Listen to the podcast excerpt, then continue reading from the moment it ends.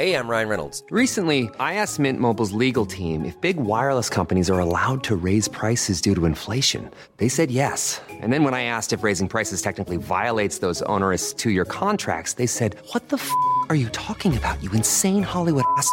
So to recap, we're cutting the price of Mint Unlimited from $30 a month to just $15 a month. Give it a try at mintmobile.com slash switch. $45 upfront for three months plus taxes and fees. Promo rate for new customers for limited time. Unlimited more than 40 gigabytes per month. Slows. Full terms at mintmobile.com.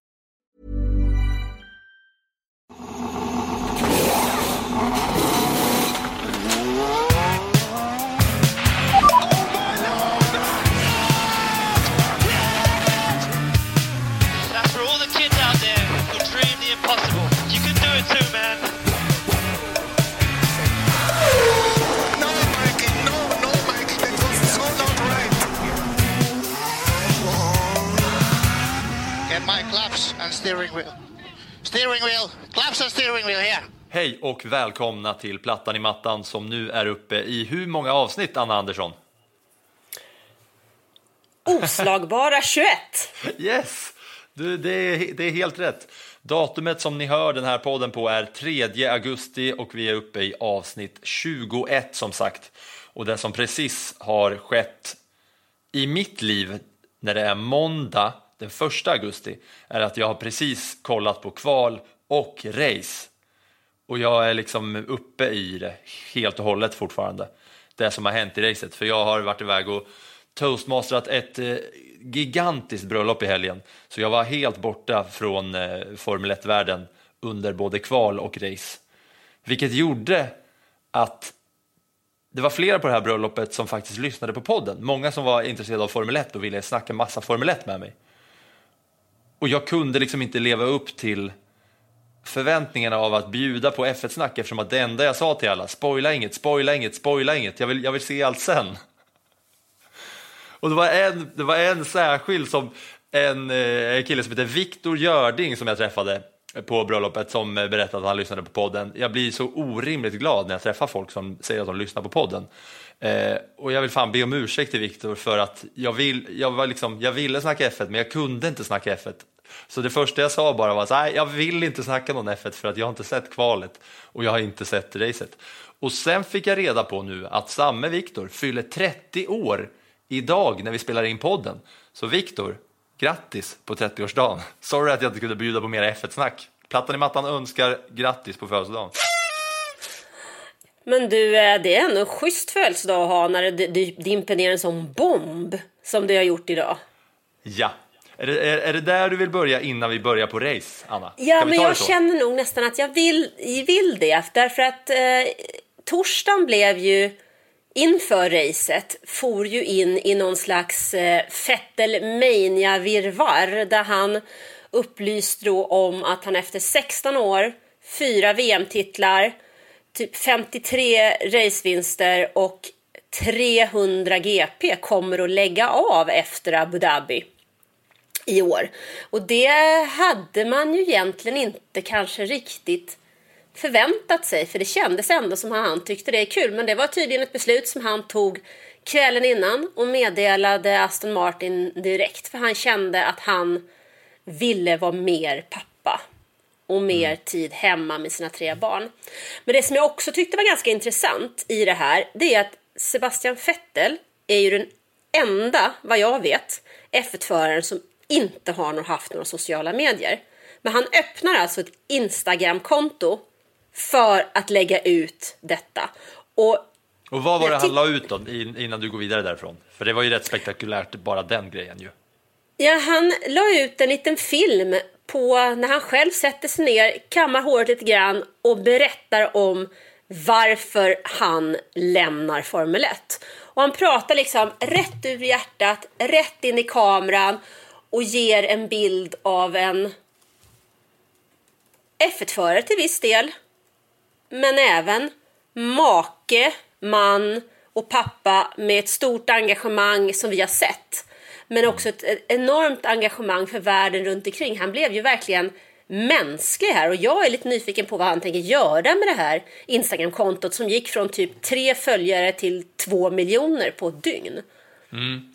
det, var, det var ju ett inlägg som han eh, sätter sig, han kommer, det är bara en svartvit bild på en vägg och sen kommer han stilig som eh, ofta Fettel och sätter sig där, fixar till frillan och sen kör han i, i över tre minuter där han bara sitter precis framför kameran och pratar eh, rätt in i den.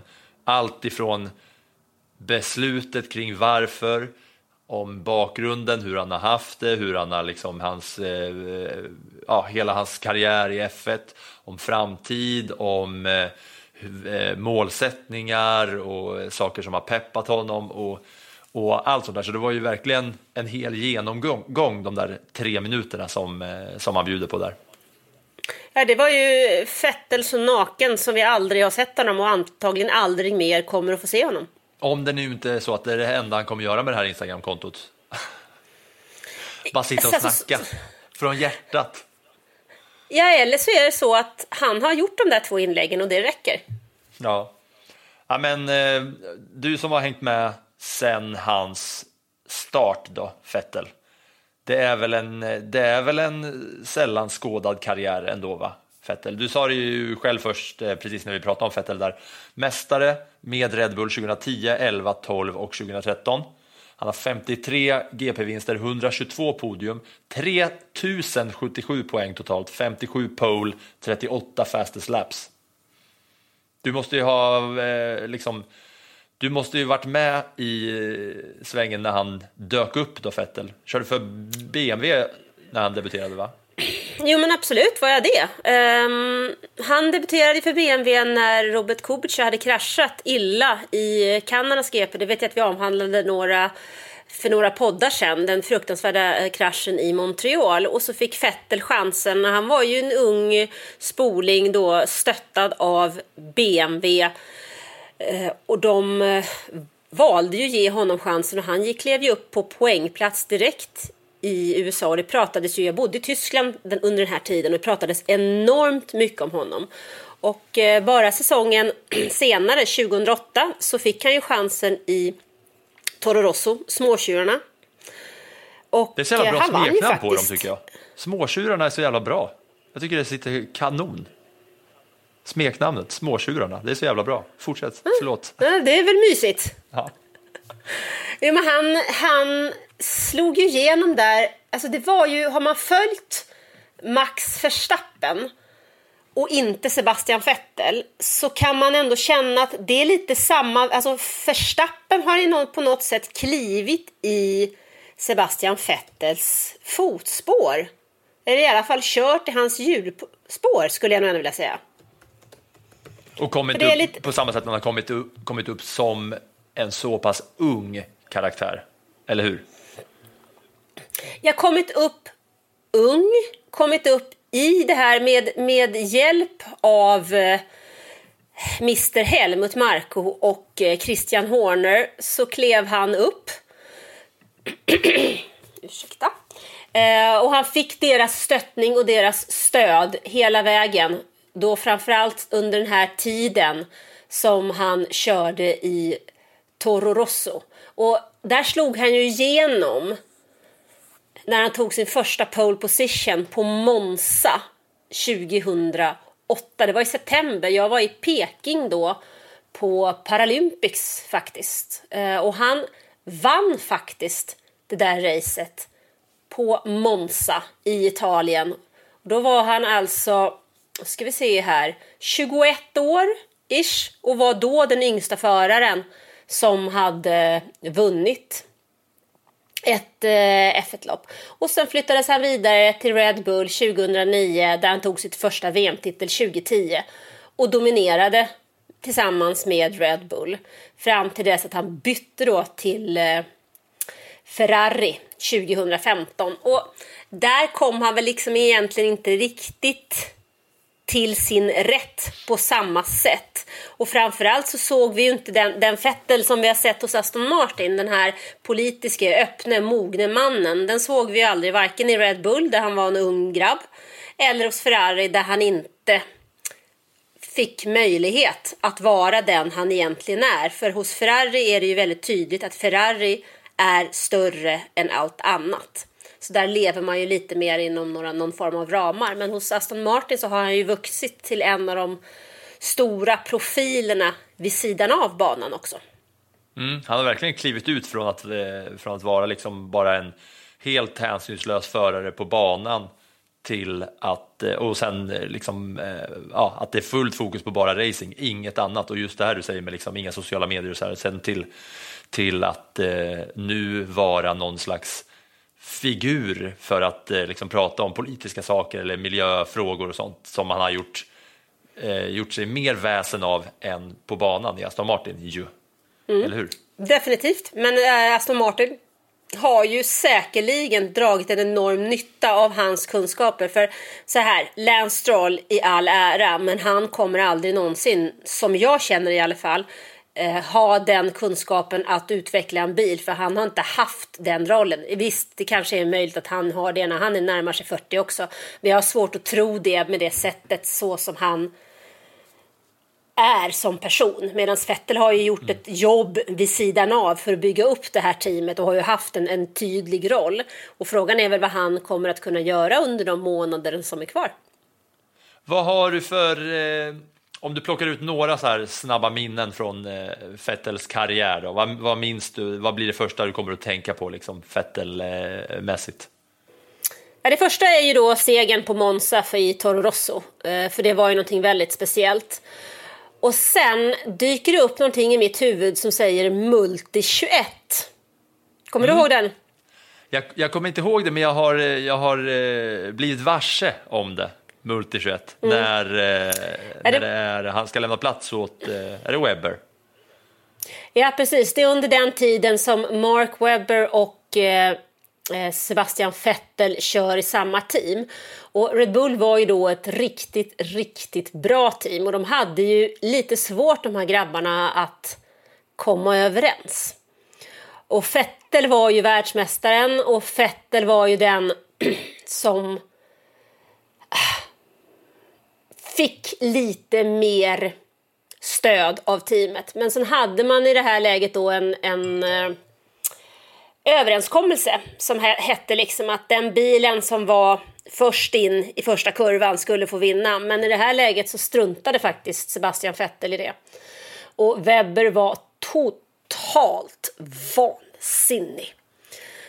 Och det är så jävla roligt för man ser det, man, det man har fått se nu, alltså sen Vettel kom med sitt statement om att han ska sluta så har ju många, det har ju varit många minnesrunor om hela hans karriär.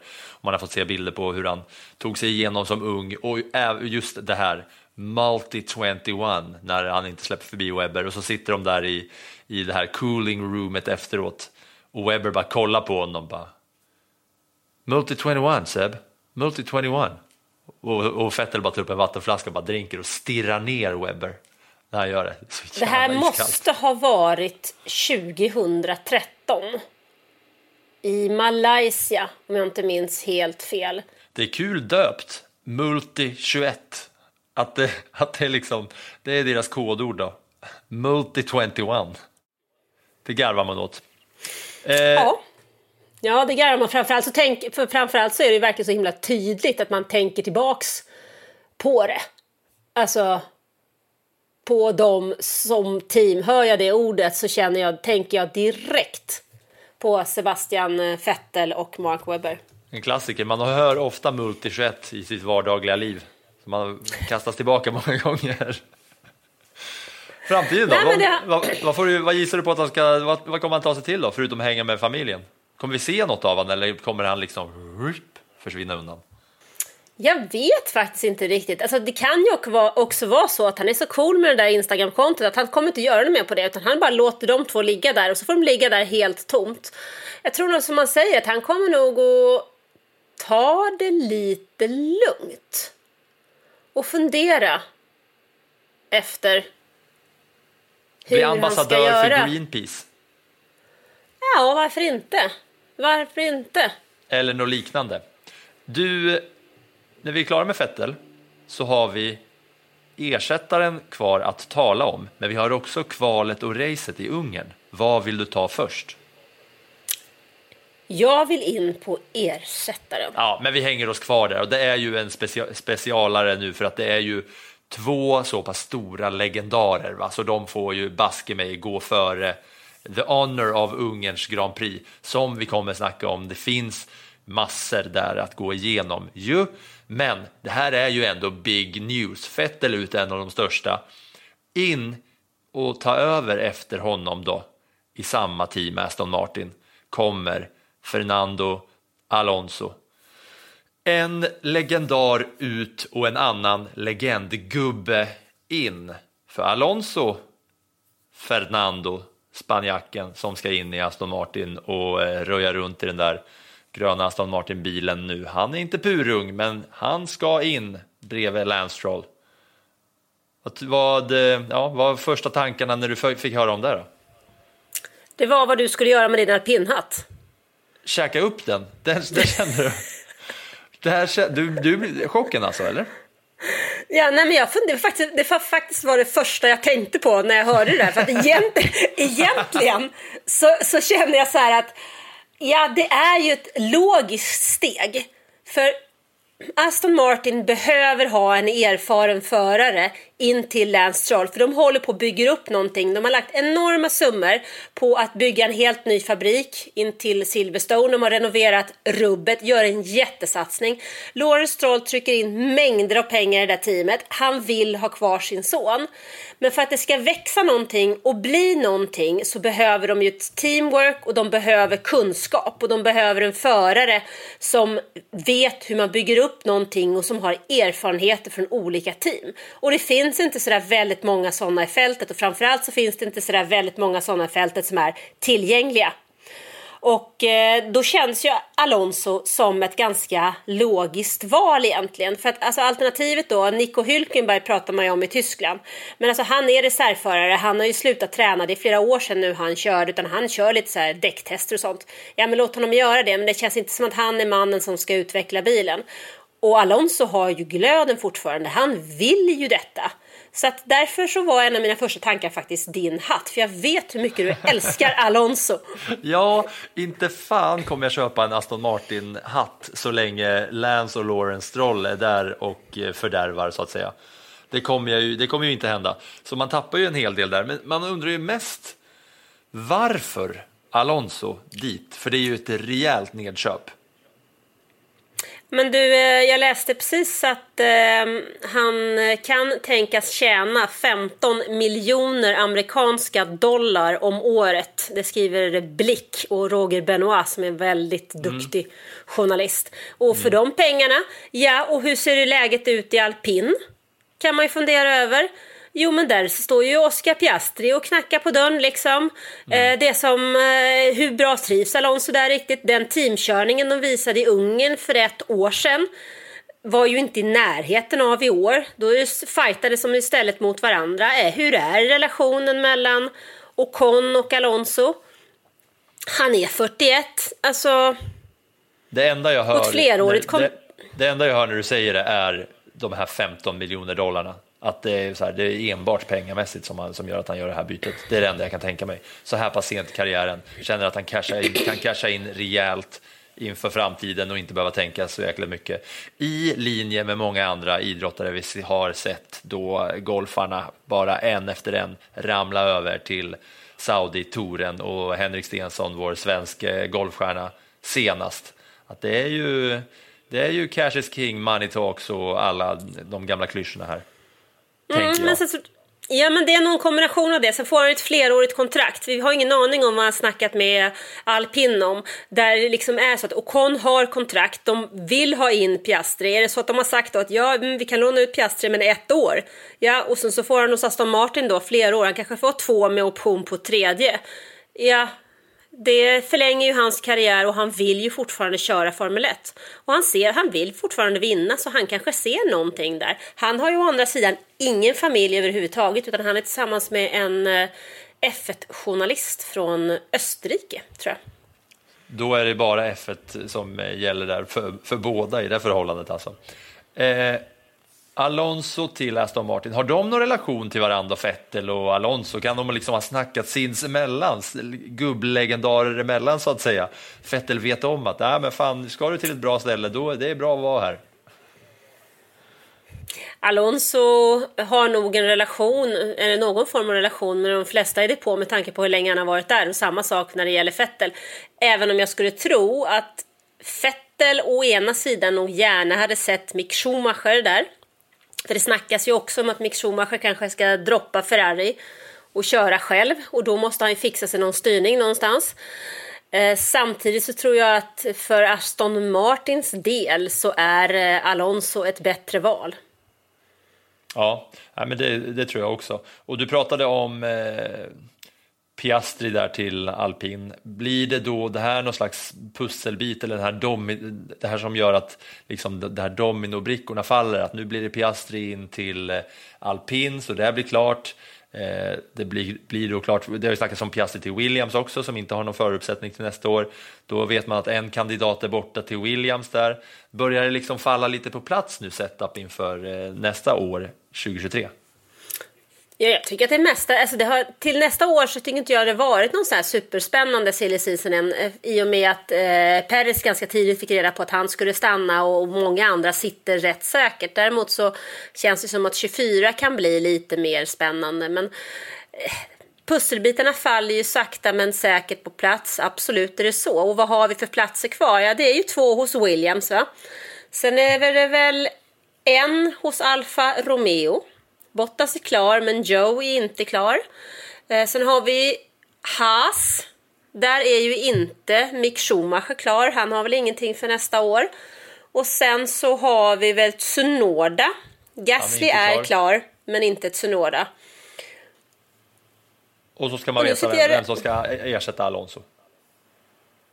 Ja, precis. Hos en plats då hos alpin. Men jag tänker att den är väl ganska färdig där om nu alpin vågar ta den chansen. Det är väl lite det det handlar om också. Vågar alpin stoppa in en debutant in till Ocon eller vill man göra någon form av abrovinklösning där för att man vill ha en mer erfaren förare? För slutar man på plats fyra i märkesmästerskapet så krävs det att man har lite guts för att stoppa mm. in en debutant. Lite eh, små info, eller lite små statistik på eh, Alonsos byte till Aston Martin här. Senast Alonso körde en Mercedes-motor var 2007, men nu ska han göra det igen. Och sen är det så att han testade för brittiska Jaguar för 20 år sedan och nu har det alltså gått så långt att han faktiskt kommer köra brittiskt och en grön bil om det inte händer något totalkaosartat inför eh, nästa säsong med Aston Martin och Alonso kommer fullfölja det där, att det blir ett brittiskt grönt ekipage med eh, Alonso där bakom. Sen har jag lagt in en bild här i vårt dokument på Aston Martins föraruppsättning 2023. Har du sett den? Jag såg den, det var väldigt söt liten pojke där å ena sidan. Ja, det är en, liten, det är en liten, i den andra. Det är en liten brat-unge.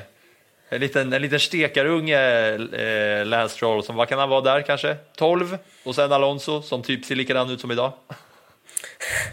Han har lite mer rynkor och något gråare hår. Den där bilden tror jag är ifrån när Fernando Alonso körde för Ferrari. För på Lance Strolls tröja så står det faktiskt Ferrari Driver Academy. Ja. Och han, han körde ju för den där. Så att, äh, säg att äh, han kanske är 14 någonstans då. Det är en rolig bild i alla fall att se att de här två ska köra tillsammans för eh, Aston Martin nästa år. Sen eh, såg jag lite rolig statistik på att Strolls tidigare teammates, alla, eller ja, de flesta kommer lägga, lägga ner karriären. Först var det Felipe Massa, hans karriär tog slut efter att han har kört, eller samtidigt som han körde med Stroll 2017. Sergej Sirotkin, ryss, karriären tog också slut där 2018. Och nu Vettel och härnäst Alonso, karriären tar väl troligtvis slut bredvid Stroll. Så det är en liten begravningsplats att få eh, köra eh, tillsammans med Lance Stroll. Vad kan det bero på då? Att de bara tar, ja det vet jag inte. Vad, vad beror det på? Vad beror jag det på? Tror att, jag tror att det är en, eh, till en stor del så han, alltså Massa är ju hos Williams. Han var ju på väg ut för och där behövde ju teamet ha in pengar. Och när det gäller Fettel så är det ju det att han är i slutpunkten av, eller han var i slutpunkten av sin karriär. De plockade in honom väldigt sent. Han är 35 nu. Alonso fyllde ju 41 i helgen. Så det är väl ett ganska naturligt steg att eh, lägga ner efter det. Och Sergej Sirotkin, han gjorde ju inte en människa glad. Så att... Nej, men det är ändå intressant fakta att det här faktiskt eh, sker. Men, Ja, men så kommer det bli i alla fall till nästa år. Ja, och fakta och statistik det kan man ju vrida och vända på hur man vill. Det vet väl vi som jag jobbar på kvällstidning va? Verkligen, och jag kommer bjuda på lite vriden och vänd statistik också när vi har snackat ner Ungerns Grand Prix efter du har satt plus på racet. Så därför tar vi oss nu från Vettel via Alonso tillbaka i tiden till Ungerns Grand Prix.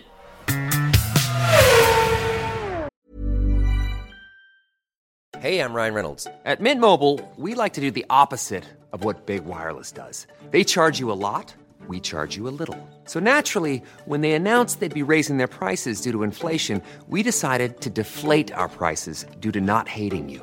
That's right. We're cutting the price of Mint Unlimited from $30 a month to just $15 a month. Give it a try at mintmobile.com slash switch. $45 upfront for three months plus taxes and fees. Promo rate for new customers for limited time. Unlimited more than 40 gigabytes per month. Slows. Full terms at mintmobile.com.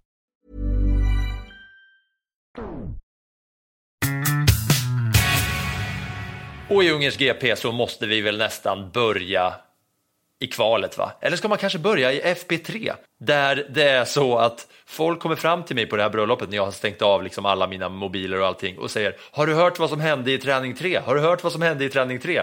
För att de, de visste om då mitt Latifi-hat. Och Latifi, då fick man bara upp statistiken, att Latifi var snabbast i den tredje träningen. Det tyckte jag var eh, chockerande och där var jag nästan på väg att få käka upp min alpinhatt igen. För er som inte har lyssnat på podden eh, alla avsnitt så var väl det en episod när jag sa att jag skulle käka upp min alpinhatt om eh, någon av kanadensarna tog poäng i Kanadas GP eller om det var någon att de skulle på podiet eller något som blev avsnittets namn. Men ja, det var ju så det började i alla fall den här racehelgen med att eh, Latifi var snabbast i träning 3 och sen på kvalet tar George Russell sin första pole position någonsin. Ja, det var ju faktiskt helt... Eh, det kom ju verkligen från ingenstans. Alltså. Det kändes... Alltså, tittar vi tillbaks, alltså, fredagen var ju kanonfint väder.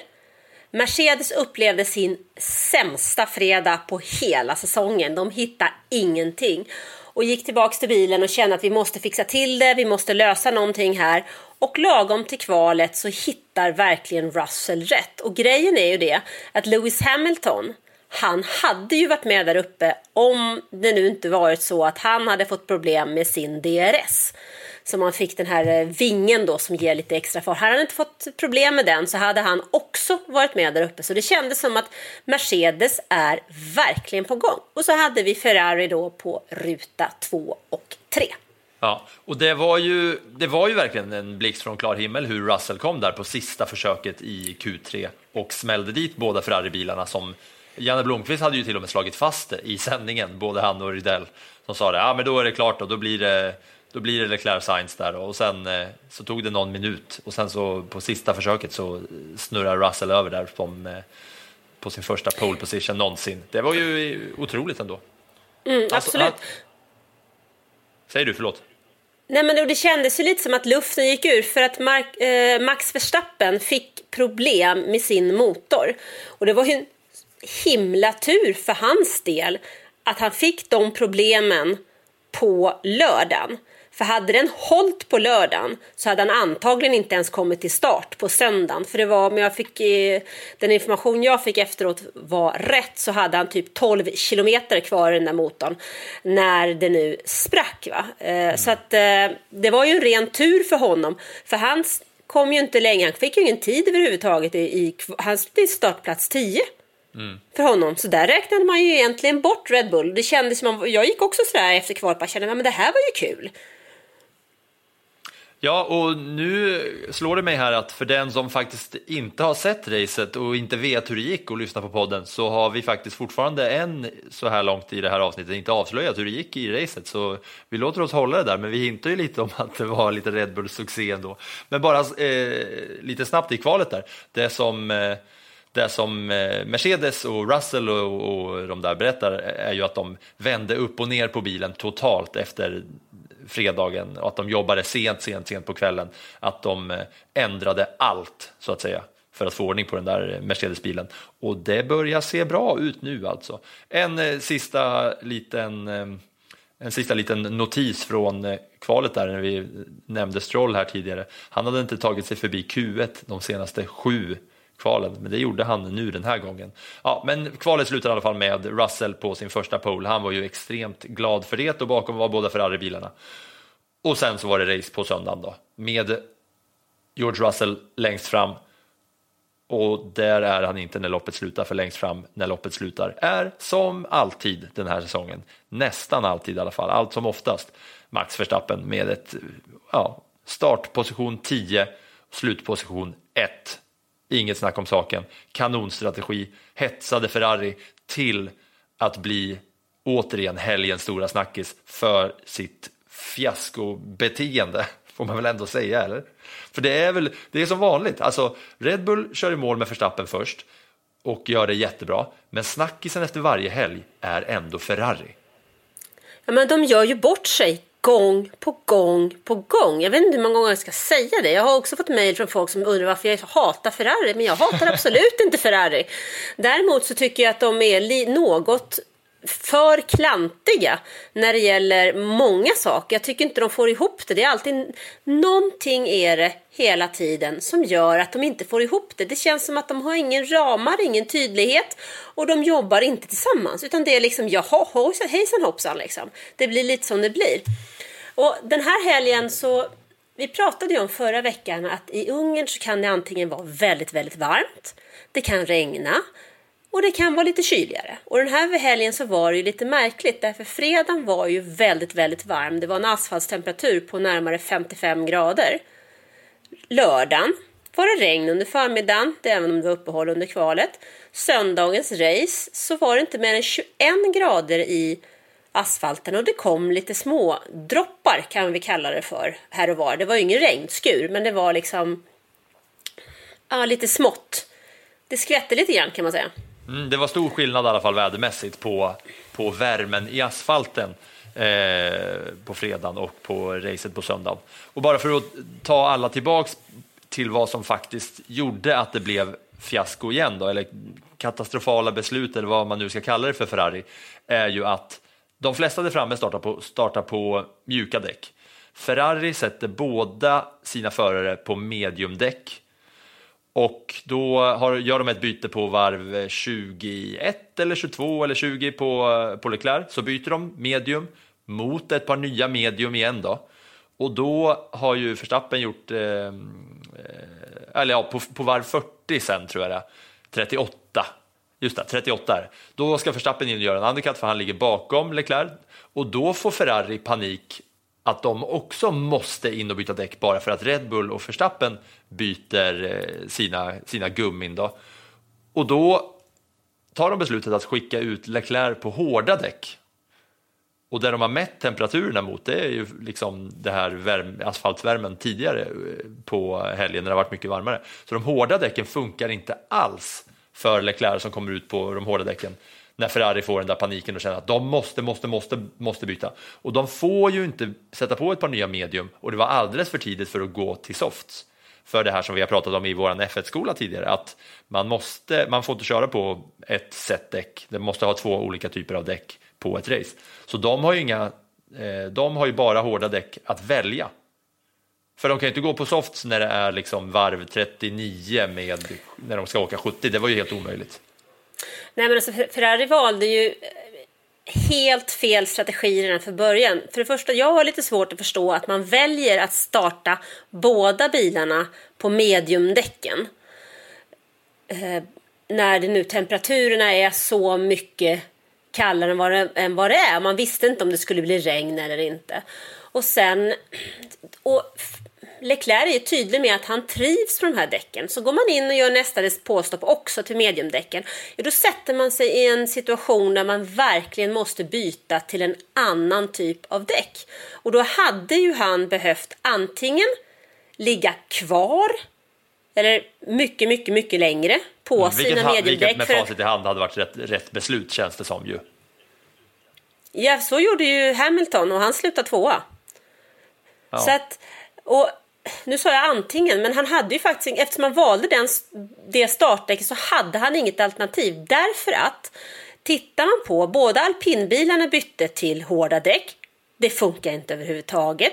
Kevin Magnussen gick också på hårda däck väldigt tidigt i loppet. Det är ändå en Ferrari-bil med tanke på att de kör med en Ferrari-motor. Det funkar inte för honom heller. Och i det här läget kändes det som att Ferrari hade kört in sig på sin strategi. De tittade på den. Det här ska vi göra, det här ska vi göra, det här ska vi göra. Och sen fanns det liksom ingen flexibilitet kvar överhuvudtaget till att ta de beslut som man behöver göra under ett race när förutsättningarna förändras. Och det där lyckades ju, som jag ser det i alla fall, Red Bull med utmärkt. Alltså de hade räknat med att Verstappen kanske skulle ta sig till position 3. Och då ser de att ja, men här kan vi göra en undercut. In lite tidigare, ta beslutet, för han hade ju startat på de mjuka däcken så han kunde ju göra det där. Och sen så rinner ju han bara ifrån medan Ferrari sitter fast, sitter fast, sitter fast, sitter fast Ja, i och det de gör sina ju... tankar. Ja, exakt. Och där de, att de blir låsta till sin originalstrategi är ju att de går från medium till medium när de gör sitt första byte. Där ger de ju noll möjlighet till flexibilitet beroende på vad som skulle kunna hända med liksom, ja, men säkerhetsbil eller undercut från, eh, från Red Bull i det här läget som det nu blev. Ja, då är de ju låsta, då, är de ju, då måste de ju byta eh, ja, till hårda eller soft då. Men Och de hade att- behövt ta paniken. lugnet. Ja, exakt. Ja, de har- och att det är det som är de- grejen, att de, får, att de får panik och bara nu måste vi in, nu måste vi in, måste in, nu gick vi Verstappen in, vi måste kötta in eh, Leclerc på en gång, på en gång direkt. För det är det som händer, att Verstappen går in på 38, Leclerc går in på varv 39 och byter. Hade de bara chillat lite, åkt kvar på den där medium, känt, jaha, hur länge kan vi köra då? Ja, men fan, de här, de svarar upp rätt bra. Vi kan gå på softs på slutet. När Verstappens däck förmodligen kommer vara dåliga. Ja, de hade kunnat, precis just den strategin hade ju varit mycket bättre. Nu istället så går de då till de hårda däcken och det tar ju bara till varv 41 innan Verstappen kör om Leclerc första gången. Och han hinner till och med göra en 360 och snurra och köra om honom en gång till. Ja, och den snurren kan vi ju inte bara släppa sådär. För att den är ju, den är ju rätt otrolig, eller hur? Eh, han kör om Leclerc en gång och sen så spinner han och märker då att han snabbt, full gas, så kan han dra, dra bilen runt helt och liksom fortsätta. Den är ju skicklig. Och det, är, det där är ju ett sällsynt misstag av Verstappen. Det ser man ju inte ofta att en sån där grej händer. Och det enda jag kunde tänka när Verstappen snurra och sen då fick ordning på bilen direkt efter är att det där hade inte Leclerc lyckats med. Att där är det skillnad i erfarenhet, eh, skills och klass. Och det är därför Verstappen är i den positionen han är, att han klarar sig. Att, att Leclerc hade förmodligen, med tanke på det man har sett honom göra under eh, säsongen tidigare, att han lyckas liksom inte leverera på den allra högsta nivån när han är liksom i sådana pressade lägen. Han klantar sig. Verstappen klantar sig lite grann, men han, han eh, liksom ersätter det med sådana jäkla världsklass-skills där och räddar upp situationen. Mm. Men det har ju också att göra med pressen. Skulle vi lägga till till de där tre sakerna som du radade upp där, skulle vi lägga till ordet press. För Verstappen har inte den pressen på sig idag. Han hade det för ett år sedan. Och då såg vi också lite märkliga incidenter mellan honom och eh, Lewis Hamilton. Men idag så har han ju den här tryggheten. Herregud, han hade 63 poäng när han kom till den här helgen. Han startar 10, han vet att ja, ja, kör jag upp mig till pallen det blir bra i alla fall. Alltså han har det lugnet att han har den här ryggsäcken som han har fyllt med poäng. Medan vad har Leclerc i sin ryggsäck luft. Ja, ja, det är inte mycket. Han har väl mer haverier än luft i, eh, i den där ryggsäcken och det där bagaget om man blickar tillbaka. För att eh, det fick man ju faktiskt eh, fick man faktiskt läsa sig till under, under helgen här hur mycket Leclerc har klantat bort eller hur mycket Ferrari har klantat bort på, eh, i poäng till, till Leclerc. Det är de här egna misstagen som han gjorde först på Imola när han snurrar bort sig där. Då lyckas han ju komma ut men han tappar ju massor. Eh, och sen är det då Frankrikes GP när han kör in i däcken och kör det här klassiska numera Luke Skywalker-skriket när han vrålar och grinar no i radion. Det är 32 poäng på dem för att då var han ju eh, ja, det var 32 poäng som han tappade där. Sen har ju Ferrari haft tekniska problem i Baku Barcelona när motorn gav upp. Det är 50 poäng där.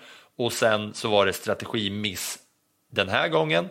Och så var det strategimiss i Monaco som också har kostat eh, Leclerc massor med poäng ju. Mm, Storbritannien så var inte heller helt klockren strategi direkt. Nej. Och nu har han en enda ynka pallplats i de åtta senaste loppen. Och 80 poäng upp till Max Verstappen. Eh, nu snackade ju Ferrari efteråt om att de skulle gå hem och titta och dra slutsatser av detta och lära sig och att de har en månad på sig. Men eh, ja, de har nog haft några krismöten den här våren och sommaren men jag tycker inte det känns som de har lärt sig speciellt mycket. Nej, exakt. Jag, jag tänkte precis på det också när jag hörde de där intervjuerna, att så här, vi måste lära oss av våra misstag. Men ni har ju för fan haft chansen hur många gånger som helst att lära av era misstag eftersom att ni gör misstag varje helg. Lär er av era misstag. Hur, hur lång tid ska de få att lära sig? Vad är det för jävla inlärningskurva de har? Det är ju slow learning skills i Ferrari i så fall. Alltså just nu känns det som att de är ju inte världsmästare på F1. De är ju världsmästare på att eh, klanta till sig för sig själva. De sätter ju krokben för sig själva gång på gång på gång.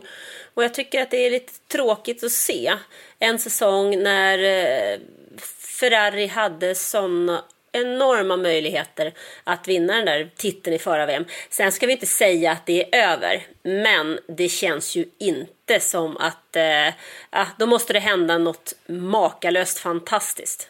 Jag drar gärna ett steg till och säger när de faktiskt egentligen borde vara mycket närmare den där världsmästartiteln än vad de är. Inte att de skulle kunna, att de borde verkligen vara det tycker jag. Eh, inför varje race så har ju Pirelli som är däcktillverkarna och de har ju alltid olika officiella då rekommendationer och så har de alternativa förslag till vilka däck som ska användas. Och Ferraris val av medium, medium, hard, det fanns inte med på något av Pirellis rekommendationer och inte ens som ett enda alternativ till en annan möjlighet än de eh, snabbaste förslagen. Och det är det som Ferrari eh, väljer då, medium, medium, hard. Intressant tycker jag. De kanske inte kan italienska. Nej, det vore ju intressant om det var så. Då eh, är det ju så att då får ju Binotto eh, ryka direkt om man kan tala men inte läsa det. Eh, Red Bull då? Där snackar vi andra, det är andra bullar i strategi eh, bakskåpet. Bakverks, bakmaskinen. Där är det andra bullar i strategi bakmaskinen. För de gör ju helt rätt. De eh, har rätt temperatur i ugnen, kan man väl säga. Ja, och där eh, var det intressant att Verstappen hyllar sin strategist, som det heter på engelska. Jag vet inte vad det kan heta på svenska. Strategiansvarige. Race-strate- jag hade nog sagt race-strateg. Ja, och det är ju rätt såklart, för du har ju faktiskt eh, koll på termerna. Va? Och där eh, hyllade Verstappen sin eh, race-strateg Hanna Schmitz för att hon var alltså galet lugn i valet av strategi när de då... Alltså det känns ju som att Red Bull kan liksom ha lite lekstuga med, med Ferrari, att de typ vet om att tar vi in då Verstappen på en undercut här, då gör vi det inte bara för att vi har ett undercut-läge utan för att Ferrari kommer få panik och liksom klanta till sig med tanke på vad de har sett innan. De är så jäkla... Alltså det, på något sätt så är det också så att är man otroligt nervös för att göra fel så gör man ju fel. Och det känns lite som att det är så hela tiden. De är så himla nervösa för att göra fel för de vet vad som gäller så att de gör bara... Det är liksom Magnus och Brasse. Fel, fel, fel, fel, fel. Fel, fel, fel, fel, fel, fel, fel! Ja, det är det. Fel, fel, fel. Eh, de känns som en riktig sån skolgårdsmobbare Red Bull. De vet om att de är störst och starkast och så fortsätter de liksom sparka lite på den som eh, ligger, där, ligger ner när de efter racen säger att de inte hoppas på att det ska gå bättre på något sätt, att inte Ferrari ska hitta något. De kan lika gärna fortsätta hålla på sådär som eh, ja, Horner och gänget Ja, eh, sa. Ja, men alltså i nuläget så måste väl ändå Ferrari vara Red Bulls absolut största medhjälpare. Nästa då. Mercedes, Russell, Hamilton, nya podieplatser och eh, ja, det är Russells kval, Hamiltons race. Ja, men Hamilton, dels är det ju en bana i Budapest som eh, Lewis Hamilton älskar. Det vet vi ju sedan tidigare. Han har åtta vinster där på den banan. Och dels så känns det ju faktiskt som att de är på väg någonstans nu. Alltså nu har de ju två pallplatser, två tävlingshelger i rad. Och även om de inte har kunnat vinna en av egen kraft så tror ju jag att hade de haft ett kval där Hamilton hade varit med i toppen, hade han inte haft de där problemen med DRSen så är det mycket möjligt att den här segern hade kommit där den här helgen. För att eh, de jobbar otroligt, otroligt bra och hårt tillsammans. Och nu har de ju nio lopp kvar och förhindra att Mercedes har en säsong utan seger, för det har inte hänt på nio år. Och jag tror att den kommer. Har det inte hänt på nio år alltså? Ja, det säger en hel del. Ja, visst, de har ju varit överlägset eh, bäst de eh, senaste åren såklart, men det är ändå sjukt alltså, en enda säsong utan, utan en enda seger. Och jag tror ju att alltså, när den här säsongen är slut så kommer Mercedes placera sig över Ferrari i, i eh, konstruktörsmästerskapet. Jag ska Ferrari hålla på på det sättet? Alltså, Mercedes är ju inget team som klantar sig, utan de jobbar ju till punkt och pricka. Det är ju verkligen tysk effektivitet och tydlighet från första till sista plats. Var och en, alla jobbar tillsammans. Och de vet ju att eh, gör de ett bra jobb i år så kommer de ju vara med i början av nästa år och det är där någonstans de har satt målsättningen. Och säga vad man vill om Lewis Hamiltons sätt att vara, men han driver ju på sitt team otroligt bra och han får ju även sina kollegor att jobba i samma spår. Mm. Ja, de är 30 poäng bakom Ferrari nu och Mercedes har ju vind i seglen och Ferrari har ju kuling i motvind. Så det känns ju inte som att, eh, att eh, det kommer bli något svårt för, för Mercedes att fortsätta på det här sättet. Och jag tror att de är om Ferrari ganska snart. Men du sa att eh, Lewis Hamilton jobbar för sina, eh, eller med sina kollegor, men det var ändå lite Russell inte riktigt ville släppa Lewis Hamilton där på slutet när Hamilton hade bättre fart i, i däcken Nej, men det är väl... racet. Det är väl klart att han absolut inte vill det. Men det jag menar när jag säger så, det är att Hamilton är duktig på att driva teamet. Han är duktig på att jobba med teamet i fabriken. Han är otroligt noga med att alltid hylla de som är bakom bilen, de som aldrig får synas.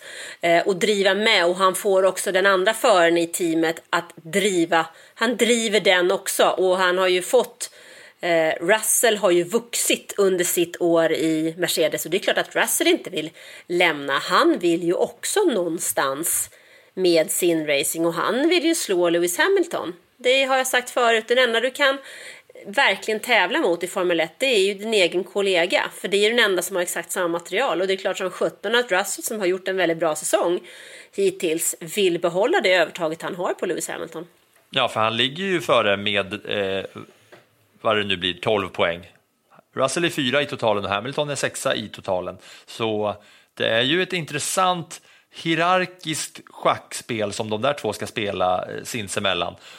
Hamilton å ena sidan har haft lite mer otur med, eh, ja, med lite timing, lite säkerhetsbilar här och där, DRS-problem eh, nu i kvalet senast. Så det blir spännande att se nu om, om båda kommer leverera samma, för, liksom, eh, om bilen kommer leverera, leverera samma kapacitet för båda så känns det ju som att ja, Hamilton kanske är en lite bättre förare med den erfarenheten, är den som kan, det såg vi prov på här nu också, att han kan ju eh, manage his tires väldigt, väldigt, väldigt bra när det, när det gäller. Så det kommer bli en intressant kamp att se där, men det känns ju väldigt liksom kaxigt ändå av Russell att, eh, för det var ju tydligt att Hamilton hade ju kanonfart nu eh, mot slutet av racet. Att, Hamilton, eller att Russell ändå inte bara släpper förbi Hamilton där. Det tyckte jag var lite, ja, det var lite, det fick upp mina ögonbryn några millimeter uppe i min eh, panna. Några småingar till då från eh, eh, Ungern som man vill snudda vid innan vi tar oss vidare. Och det var no pun intended där för att eh, Synoda snurrar igen på ett utvarv när han har bytt däck. Kommer du ihåg att han gjorde det eh, för ett par, eh, ett, ett par race sen? Då kom han ut, hade han precis bytt däck och då i liksom depå, i depå-exiten så snurrar han för att han inte liksom har, har fattat vilken, eh, ja, vilken temperatur han behöver ha på däcken och det är samma sak här. Han byter till mjuka däck och så snurrar han på, på sitt utvarv. Inte bra för Alfa Tauri. Och kanske för hans egen framtid. Det var lite det jag tänker också. Alltså, han har ju inget kontrakt till nästa år och tittar vi på Alfa Tauri så är det ju femte loppet i rad som de nollar. Och det är ju definitivt inte bra. Och jag tror att jag läste någonstans nu att eh, det har inte hänt. Det, för det är tio år sedan Toro Rosso eller Alfa Tauri nollade i fem race. Då nollade de i nio. Och för, den ena föraren var Daniel Ricciardo på den tiden och den andra Jean-Erik Vergnier. Ja, ja, det är intressant att det går så bra för stortjurarna och så dåligt för småtjurarna. Och Gasly var, startade ju längst bak eh, för att han hade behövt ta ny motor också. Eh,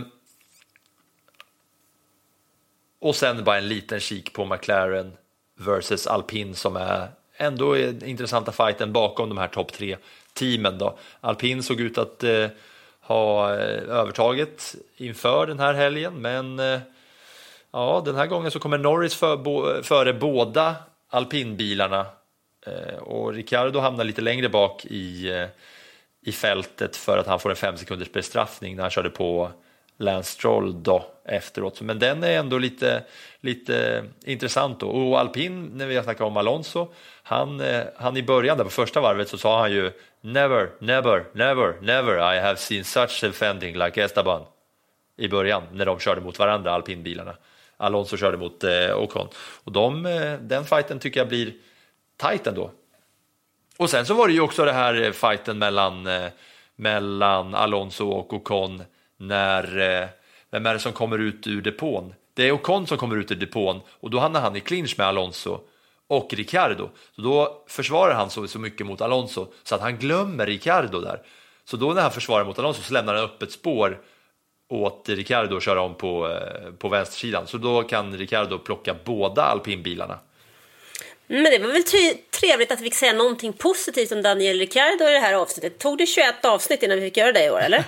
ja, och jag vet inte om det var så jävla positivt egentligen, för det var ju Ocon som, eh, som klantade sig. Och det var ju bara upp ett mål där för honom när han fick köra förbi. Ja. Jo, jo, men han missar ju inte öppet mål. Det finns ju någon som har gjort det också. Ja du jävel, det stämmer mycket bra. Det blir kul att följa ändå den här alpinkampen. Lite mindre intressant nu när man vet att eh, Alonso ska lämna för att man hade ju liksom lite på spänn där hur det skulle gå med, eh, ja, med framtiden där för alpin. Men det är i alla fall en kamp som man kan fortsatt följa. Ställningen i mästerskapet efter Ungerns Grand Prix och när vi nu går in i uppehåll är att Red Bull utklassar de andra. Nu är de 431 poäng eh, fram, eller de är 431 poäng. Ferrari bakom där på 334, Mercedes 3 på 304. I botten är Williams eh, har, har de barrikaderat dörrarna som sämsta team med bara tre ynka poäng. Aston Martin har 20, Alfa Tauri 27. Sen så skippar jag mitten där. Ja, det skiljer fyra poäng mellan Alpin och McLaren. De andra får vika hädan. Vill du ta en ren plus från Ungerns GP? Yes, vi kan väl börja med ett plus då. Det är ju Alfa Tauri som nollar för femte loppet i rad. Men eh, också Alfa Romeo faktiskt som nollar för fjärde. Så ett plus på Alfa helt enkelt.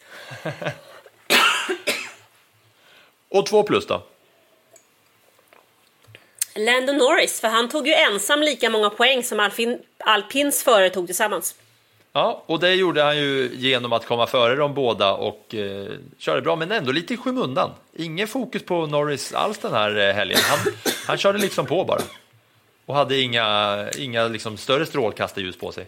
Nej, men vi hade fullt sjå med andra grejer den här helgen, så att, eh, ja, det fick bli så. Ja visst, trea plus då. Red Bulls strategi och flexibilitet. Flexibilitet, gud vilket svårt ord. Flexibilitet, det är svårt att vara flexibel. Men smart. Mycket bra. Och fyra plus. Mercedes, två bilar på pallen för andra racet i rad. Det är snyggt alltså. Det ger smak om mer tycker jag. Och snart kommer den här segern som jag har snackat om i de senaste veckorna. Varje vecka i slutet av avsnittet så, så har jag sagt varje gång att jag tror nog Mercedes-segern kommer snart. Och jag fortsätter säga det. Kanske att eh, de har ordning på det när uppehållet är slut. Men 5 plus går till Max Verstappen, start från position 10, smart strategi och en seger trots en 360. Han, 360. han lyckas Fast ju den, verkligen. det där var ju en 360. Den var ju en 360. Very sexy var den ju. Definitivt. Men jag menar, han lyckas, alltså, han lyckas ju dessutom... En, en bra freudian. Det där var en bra freudiansk slip. En Max Verstappen med en 360. Ja, en 360 på Max Verstappen. Men framförallt så lyckas han ju utföra mer än det som han ska göra. Han går ju på plus varje helg. Tänk, tänk om man kunde göra det liksom. Ja, ja, jag håller med. Max Verstappen, tyvärr ändå lite för att det, det blir ju mindre kamp och det blir mer överlägsenhet, vilket man som tittare kanske inte föredrar då, men ja, snart får man väl bara börja imponeras av att eh, det går så bra för honom. Men ett motorstopp ska delas ut också. Ja, Ferrari. Alltså det är ju dags att vakna nu kan jag känna. Men det som ger mig lite hopp, som jag tänker leva på de här fyra veckorna när det inte är någon F1, det är faktiskt det att Ferrari, skärp till er. Då är de med där uppe. Red Bull är definitivt med där uppe. Och Mercedes är på väg upp. Tänk om vi nu under de sista nio racen kan få tre, tre team som klarar av att vinna race, då kan det faktiskt börja hända rätt mycket. För då kommer det inte att bli Verstappen och i alla fall varje race varje helg, för det är ju lite trist liksom. Men kan vi få fler andra som kan vara med och slåss om det så är det ju Ja, då räcker det ju inte längre. Men tidigare, tittar man på hur Mercedes har haft det, så de har ju behövt titta, titta ibland bara på sig själva. Och ibland bara på ett annat team. Har vi två team så är det sex bilar som kan blanda sig in i en strid och då blir det riktigt spännande. Mm. Och det blir ju liksom fler parametrar också ju fler team som är med där uppe. Alltså, jag vet inte om jag sa det i förra avsnittet, men nu har ju Verstappen inte haft jättemånga att liksom racea hårt mot, men blir det liksom Hamilton versus Verstappen fighter igen så kan man ju mycket väl se att eh, ja, det finns ju mer anledningar till, eh, till combat liksom, och, och närstrid och att de nuddar varandra och då kan det ju, då kan det ju helt plötsligt vara så att eh, det blir bilar ur spel så att säga och det blir, delas, delas ut noll poäng till, ja, till Red Bull-bilar om det kraschas och bråkas och kivas längst fram. Mycket intressant, jag håller med dig. Ska vi ta några småstats från helgen också?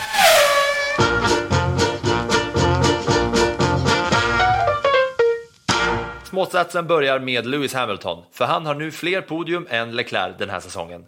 Hamilton har sex och Leclerc har fem och Mercedes har fler än Ferrari, för de har nio och Ferrari har åtta. Och vem trodde det efter, ja, vad var det, Bahrain eh, och Australien där i början när Ferrari såg så himla överlägsna ut. Det var Bahrain, Saudiarabien. Det är alltså en, ett skifte där nu. Mercedes är på gång förbi. Mm, Mercedes är ju tillförlitliga. De vinner ju på sin tillförlitlighet och och eh, Ferrari torskar ju på sitt klanteri. Och Lewis Hamilton fortsätter ha 100% podium på HBTQ-hjälmen. Och här ska du få Hamiltons fem senaste också. Trea, trea, trea, tvåa, tvåa. Bara Verstappen av alla förare har nu bättre än Hamilton de senaste fem. Snart kommer en etta där. Du, alltså det var väldigt mycket Hamilton här på dina småstats. Ja, nu kommer nästa småstat. Och det är ingen småstat, det är en stor stat. Jag har lagt in en bild som du kan kolla på Anna. Där är varje förares snabbaste varv. Och här tycker jag är intressant som lite så här eh, nytillkommen F1-nörd att det är rätt stor skillnad på att göra snabbaste varven och här fattar man att det handlar om 70 varv och inte att bara vara snabbast under en viss kort period. För där ser man att eh, ja, men Hamilton han sätter ju snabbaste varvet. Max Verstappen vinner racet överlägset. Men i snabbaste varvtid så är Verstappen bara sexa. Och Russell som blir trea, han har bara den nionde snabbaste varvtiden. Och eh, där i botten så har vi alpinbilarna med Ocon som har det långsammaste snabbaste varvet och Alonso som är på 18 plats där i långsammaste varvet. Och ändå så kommer de åtta och nia är jag bara dum i huvudet och så jäkla oerfaren som att tycker att det här är intressant? Eller är det lite intressant? Alltså, att det skiljer så ja, mycket? Ja, men det har ju helt att göra med var du befinner dig på banan och vad du har för trafik framför och bakom och hur du kör. Jag vet inte, jag kan väl tycka att eh, sen man delar, började dela ut poäng för det där snabbaste varvet så har ju det tillfört någonting. För numera är det ju så att om du ligger inom topp 10 och kör det snabbaste varvet så får du poäng för det. Men ligger du utanför topp 10 så får du ju ingen poäng för det så det finns ju ingen anledning till att göra det överhuvudtaget. Och ibland nu så är det så att de går in bara för att sätta just det snabbaste varvet för att ta det eller för att sno det från någon annan. Så att eh, jag tycker väl inte att man ska lägga allt för mycket vikt vid just den här statistiken. Det finns väl annan statistik som jag kan tycka är intressantare. Låt mig tycka det är lite kul bara i alla fall. Nästa Ja, jag låter dig hållas när det gäller det mesta, jag bara lyssnar. ja, det är bra. Lyssna på det här då. Hamilton och Verstappen, som nu blev eh, tvåa och etta, eller Verstappen Hamilton blev etta och tvåa. Det är deras 31 delade 1-2 alltså någonsin och nu är de lika med Hamilton Rosberg i antal att komma etta och tvåa samtidigt. Men då menar du Verstappen etta och Hamilton tvåa, eller menar du det kunde ha varit tvärtom? Ja, kunde det varit tvärtom. Det är intressant.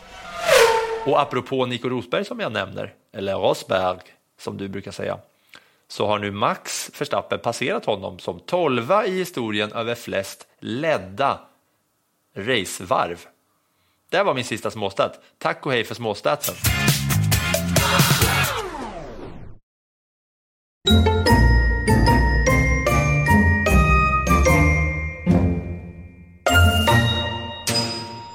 Och innan vi slutar så ska vi ha en svensk koll och den som har bäst koll på svenskarnas framfart runt om i racingvärlden, det är du, Anna Andersson. Låt höra. Ja, det var ju faktiskt eh, race i Indycar igen och där hade vi ju förhoppningar på att Marcus Ericsson skulle utöka sin ledning i mästerskapet. Men hans bil gick sönder i kvalet vilket gjorde att han fick starta från ruta 25 och sist. Och han gjorde en fantastiskt bra uppkörning. Han blev 11 till slut men tappade ledningen i mästerskapet till Will Power som i alla fall har den coolaste namnet inom eh, racingeliten. Will Power. Håller med. Nu skiljer det 9 poäng till Powers fördel. Felix Rosenqvist, han hade pole position men han fick problem med bakbromsarna och föll ner till plats 9. Så nu får vi kika mot nästa tävling som går i Nashville kommande helg och det är säsongens sista startlopp. Och det är fyra lopp som återstår av Indycar-säsongen så vi får väl se vad Marcus kan hitta på här. Och nu tror jag också att när det börjar dra ihop sig inför slutet av Indycar säsongen så tror jag att det kommer kastas fler och fler svenska ögon på den eh, racinggrenen där för att det närmar sig ju avgörande och Marcus Eriksson är ju fortfarande med och det är ju med svenska ögon superintressant ju. Mm. Ja absolut, och han skulle, men han skulle behöva vinna. Han vann faktiskt i Nashville efter ett galet race förra året. Men han skulle behöva ha en seger nu för att eh, lyfta lite, för att få lite mera push. Han har ju många av de poängen han har tagit har han gjort för att han har varit fantastiskt jämn. Plus att han vann Indy 500 där det är dubbla poäng. Men han skulle behöva ha en seger till för att lyf- verkligen lyfta. Då Sen kan man också skulle- hoppas på ett willpower krafthaveri där då, på något sätt. Att eh, blir det noll poäng till eh, willpower så, så kan ju det gynna tillbaks till eh, Marcus Eriksson. Yes, men framförallt så känner jag att en seger där så mm, blir det bra. Eh, sen så kan vi ju inte heller missa vår Ferrari junior, Dino Beganovic. Han tävlade på spa, körde in på pole position, vann ett lopp och trea i nästa och han leder fortfarande sitt mästerskap i Formel 3 efter sju av tio deltävlingar. Och det är extra intressant med Dino Beganovic för att nästa vecka så har det inte varit något F1-race för att det är sommaruppehåll där och ingen får nudda ett enda arbetsinstrument, så lite som ens en laptop eller ett anteckningsblock. Så därför kommer vi gästas av Dino Beganovic i nästa veckas podd och snacka med honom om hur det är att vara just en Ferrari junior med siktet inställt på Formel 1 och hur det är att köra för Ferrari och allt vad det innebär, hela hans väg. Och vi kommer väl säkert snacka lite om liksom, säsongen, fortsatta F1-säsongen med honom också. För han är ju högst eh, involverad i F1-världen på något sätt. Mm, det ser jag verkligen fram emot. Det Det är alltid lika roligt att prata med Dino. Så att, eh, nu ska det bli kul att få göra det på det här sättet också. Jag har ju oftast gjort det och sen skrivit artiklar. Men det ska bli kul att få göra det i ett slags eh, poddprogram. Så det blir ett special gästavsnitt med en stekhet Dino Beganovic som är ju en av världens hetaste eh, racingtalanger. måste vi ju ändå medge. Och då får vi nog lite smått och gott och förhoppningsvis lite goda eh, stories av eh, Dino i nästa veckas avsnitt av Plattan i mattan som är avsnitt 22 när F1-säsongen nu är inne i sitt sommaruppehåll. Vem tror du kommer må bäst av sommaruppehåll och tänka så lite på F1 som möjligt av alla våra F1-förare, Anna? Max Verstappen. Ja, för han kommer må så satans jävla bra alltså. Det flyger för eh, ja, de där stortjurarna. De får sina eh, vingar där. Eh, Ricardo har ju uttryckt i Drive to Survive alltid att han gillar de här sommaruppehållen och att han alltid kan gillar att stänga av där. Och så, de har ju alltid producerat det fint och dramatiskt eh, kring honom där. Så nästa vecka blir det alltså som sagt Dino Beganovic i Plattan i mattan. Missa inte det. Jag tror att det kommer bli extremt jävla svinkul. Så vi hörs då. Och du och jag Anna, vi hörs ju när vi snackar med Dino Beganovic. Det blir kul det också. Definitivt. Ha en fortsatt bra kväll nu. Hej då! Hej då!